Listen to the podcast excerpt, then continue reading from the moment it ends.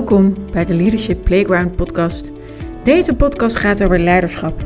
Authentiek blijven in een wereld waarin ongeschreven regels je soms het idee geven dat je het anders moet doen dan je zou willen of dat bij je past. Impact maken en jezelf blijven. Ik, Lonneke Titulaar, ga je met ideeën, verhalen en praktische tips helpen om jouw eigen vorm van leiderschap te vinden, waarbij authenticiteit centraal staat. Welkom bij weer een nieuwe aflevering van de Leadership Playground podcast. Gisteren was Internationale Vrouwendag 2023 en ik heb een workshop gegeven bij een bedrijf en dat ging over de ongeschreven regels op het werk.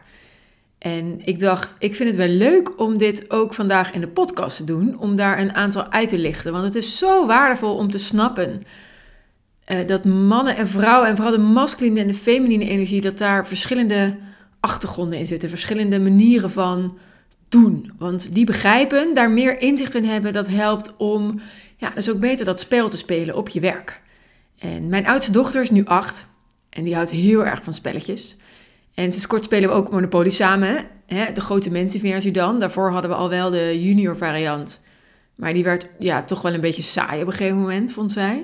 Dus ze pakte het grote spel erbij. Uh, en als je de doos openmaakt bij ons, dan ligt altijd die spelregels bovenop. Ik vind dat heel fijn, want je moet altijd dat geld verdelen. En dan kan ik precies zien wat ook alweer die verdeling is. Nou, ik ging aan de gang om dat allemaal klaar te leggen. En zij pakte dat boekje en begon dat te lezen. Want ik had al gezegd, hè, het zijn andere regels dan het juniorspel. Dus laten we eerst even oefenen. Dan uh, kunnen, we, na voor het echi. En nou zij was aan het lezen. En toen we gingen spelen in het begin heb je zo'n ronde, dan mag je nog niks. Dan ga je beginnen met die straten en een beetje uitleggen van wat koop je dan wel en niet en waarom. Ja, en elke keer als je dan langs start komt, krijg je 200 gulden. Ja, we hebben echt nog een heel oud spel, dus wij spelen nog in gulden tijd. En er zijn ook nog allemaal gewoon nog eentjes en zo. Ehm, en op een gegeven moment kwam zij op start. Dus ik gaf haar 400 gulden. En ze kijkt me aan, ze zegt, ja maar mama, dat klopt helemaal niet. Ik moet maar 200 krijgen. Oh, zei ik, ja, als je op start komt, dan krijg je dus het dubbele. Nee hoor, zegt ze. In het boekje staat er helemaal niks over, gewoon 200 gulden.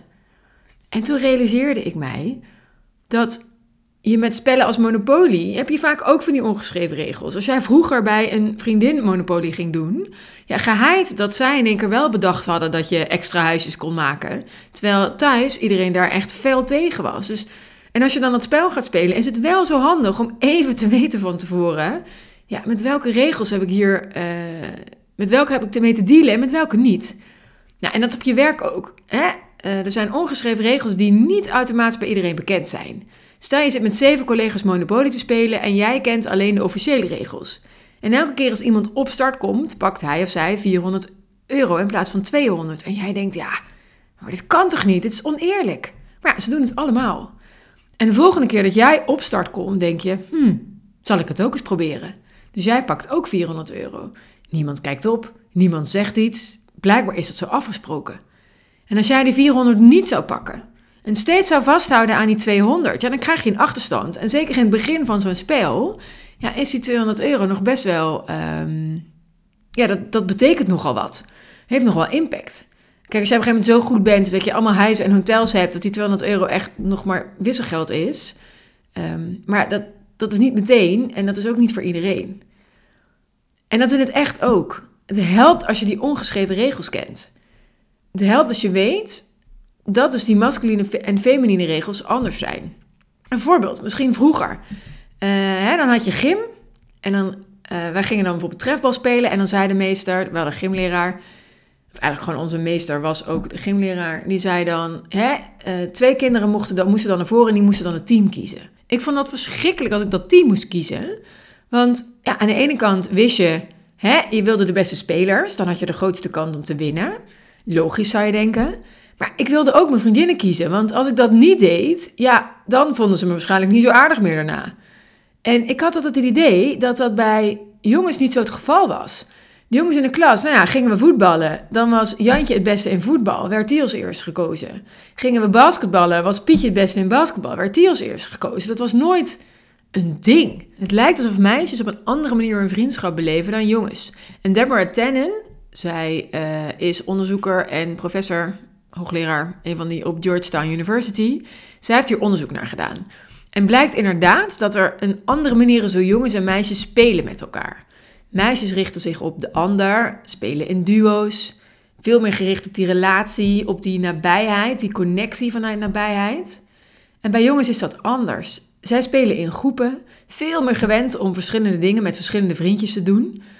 Als je dit weet, is dat gewoon een super fijn inzicht om te gebruiken op je werk.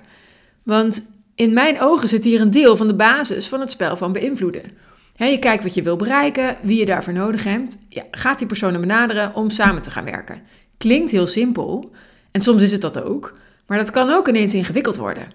Op een bepaald moment had ik een hele leuke collega en ze was altijd betrokken. Heeft me super goed geholpen toen ik net op de afdeling kwam. En ik kon alles aan haar vragen. En als ze het niet wist, zei ze: Oh, dan moet je die of die hebben. Nou ja, gewoon onwijs fijn. En mm, ja, na een paar maanden, ik had mijn eigen netwerk ontwikkeld, opgebouwd. En ik kwam niet meer voor alles bij haar. En toen ik een bepaald besluit moest krijgen van de directie, ben ik dat zelf gaan voorbereiden. ik heb de spelers in stelling gebracht. Ehm, alleen merkte ik dus dat die collega, ze ging een beetje tegenwerken. En ik dacht, ja, waarom? Wat is er dan aan de hand? Dus op een gegeven moment, ja, ik was er wel klaar mee. Dus ik heb haar aangesproken wat ik zag gebeuren. Toen kwam het hoge woord eruit. Ze voelde zich gepasseerd alsof ik haar niet meer zag staan. ze had me zo goed geholpen, nu was ze niet meer nodig. En ik dacht nog, wat een gedoe. Maar ja, nu snap ik het wel. Uh, zij voelde zich toch persoonlijk aangevallen of gepasseerd, dus dat ik haar niet meer vroeg om te helpen. Terwijl ik eigenlijk dacht dat het wel fijn zou vinden als ik haar niet meer zo tot last was. Dus nou ja, ook daar zit een miscommunicatie.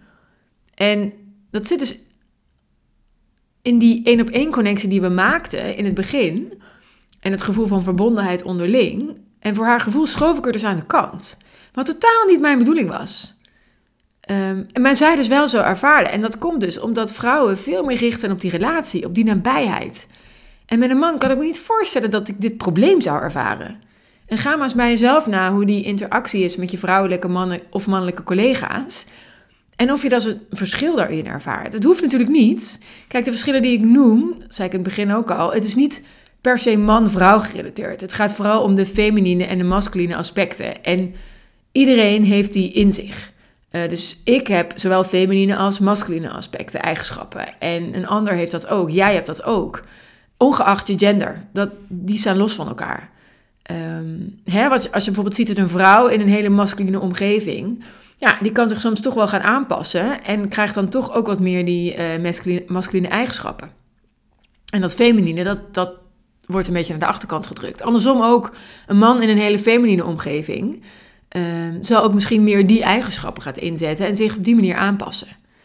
Nou, dit is dus die nabijheid, het verschil tussen die connectie en hè, waar, waar, waar vrouwen dat, of dat feminine dat meer heeft dan dat, bij dat masculine. En een andere spelregel waar ik het ook nog even over wil hebben, is het delen van je resultaten.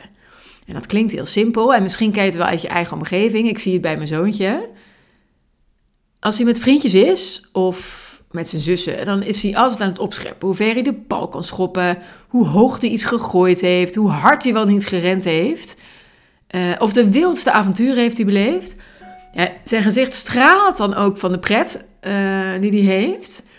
En ja, dat is gewoon heel leuk om te zien. En zijn kleine zusje, die moedigt hem ook altijd aan. Uh, die vindt het prachtig en probeert soms ook nog wel een beetje mee te doen. En met vriendjes ook, hè. Dan hebben ze een grootste feest, want de een was nog beter dan de ander. En zijn oudere zus vindt dat dus allemaal onzin.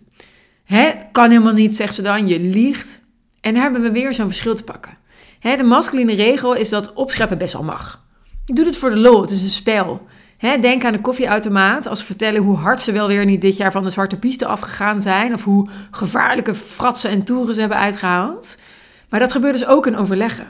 Als het gaat om prestaties die ze gehaald hebben, zichzelf of met de afdeling. Ze, gaat ze gaan ervan uit dat dit bij het spel hoort en dat het dus ook oké is. En de feminine kant is dus juist dat je meer bescheidenheid mag laten zien. Dat is ook een van de onbewuste biases waar we mee te maken kunnen hebben richting vrouwen. Hè? dat ze vooral bescheiden moeten zijn. Veel vrouwen vinden het lastig om een resultaat te benoemen. Als ik in een workshop aan vrouwen vraag: kun jij me nu een resultaat noemen van de afgelopen twee weken? Ja, vaak moeten ze er toch wel even over nadenken. En als ze dan met iets komen, dan is het vaak van: ja, met het team hebben we dit en we, hebben zus en zo. Mannen, die hoor je altijd over ik. En terwijl het voor, juist voor vrouwen heel belangrijk is om die resultaten te benoemen. Onderzoek laat namelijk zien dat vrouwen veel meer afgerekend worden op hun resultaten, op wat ze hebben laten zien, wat ze hebben bereikt. En bij mannen wordt veel meer gekeken naar een potentieel. Dus hè, wat ik altijd op een gegeven moment deed in, uh, op mijn werk, is dat ik um, elke week, en als dat niet lukte, elke twee weken, even in mijn agenda of even op een bepaalde plek kort van wat heb ik nu gedaan afgelopen week? Welke resultaten, wat heb ik opgeleverd, wat is bereikt, uh, mijn bijdrage daarin. Ja, mij hielp het om even te trainen en scherp te krijgen van, oh wacht, dit en dit heb ik gedaan. Het geeft je ook een goed gevoel als je het weekend in gaat, want je hebt echt even dat gevoel van accomplishment, van oh hè, ik heb even kunnen vinken. Uh, en ik wist heel bewust, oh als ik dan volgende week een manager tegenkom, kan ik dat even zeggen. Of goh, die was dat daarop te wachten, ik zal dat eens even noemen, dat dat klaar is of dat dat is afgerond. Eh, en ook als manager vond ik het heel fijn als ik dus op de gang liep en mensen kwamen naar me toe en ik wist, oh, wacht, die heeft dat gedaan. Oh, mooi, dan hoef ik daar niet meer over na te denken. Of, oh, mooi, dan kunnen we die stap inzetten. Of, dus het is, het is ja, best wel een logische manier van um, met elkaar delen ook, zonder dat het gelijk een heel opschepperig verhaal hoeft te zijn. Um, want, want ook managers, hè, soms heb je dat gevoel van, ja, maar mijn manager moet toch gewoon weten wat ik doe. Um, nee, dat is dus niet zo tuurlijk, die hele grote resultaten die worden wel zichtbaar. Um, alleen, ja, wat dan precies de individuele bijdrage van iemand is geweest, geen idee. Um, en vaak zijn dat ook pas echt die grote dingen op het einde. Weet je, daar heeft iemand zes maanden aan zitten werken, terwijl je tussendoor natuurlijk al veel meer concrete tussenstappen hebt gezet, die ook echt waardevol zijn om uh, te weten hè, en te benoemen. En wat ik ook wel merkte, hoe vaker ik dat doe, hoe makkelijker dat wordt. En een andere um, wat ik veel zie is dat, dan noemen ze 80%. Het comfort zit nog een beetje bij die 80%. Dus je noemt 80% van je, van je resultaat. Maar probeer ook eens die 100. Um, ehm, want dat is... Um, ja, daar zit die stretch. Terwijl dat eigenlijk nog steeds ben je niet aan het liegen of zo. Je bent nog steeds niet aan het overdrijven je zit gewoon nog steeds in de waarheid. Dus vertel het ook. Leer jezelf om daar ook echt op die manier uh, over te delen. En ook dus als je gaat solliciteren, dan al helemaal.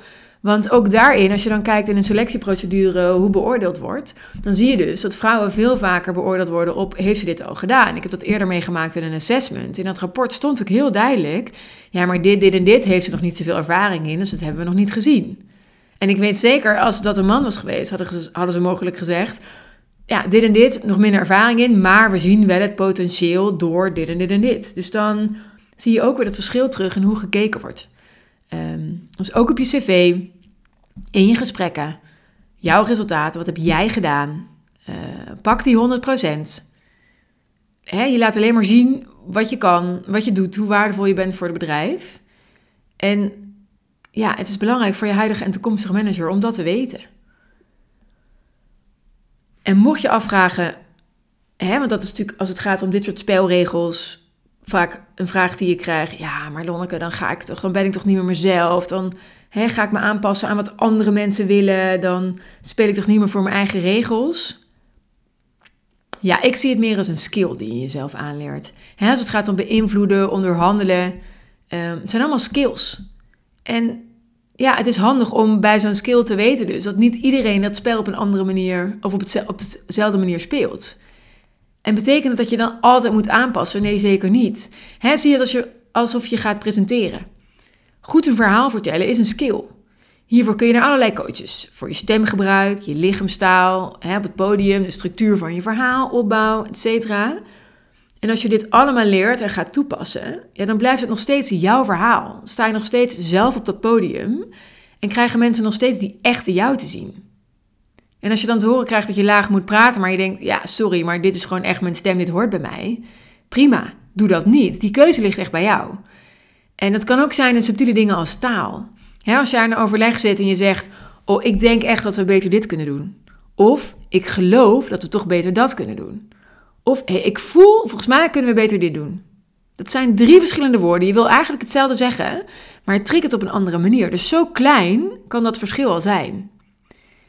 En een andere vraag, ook een leuk om aan jezelf te stellen als je hierover zit te denken.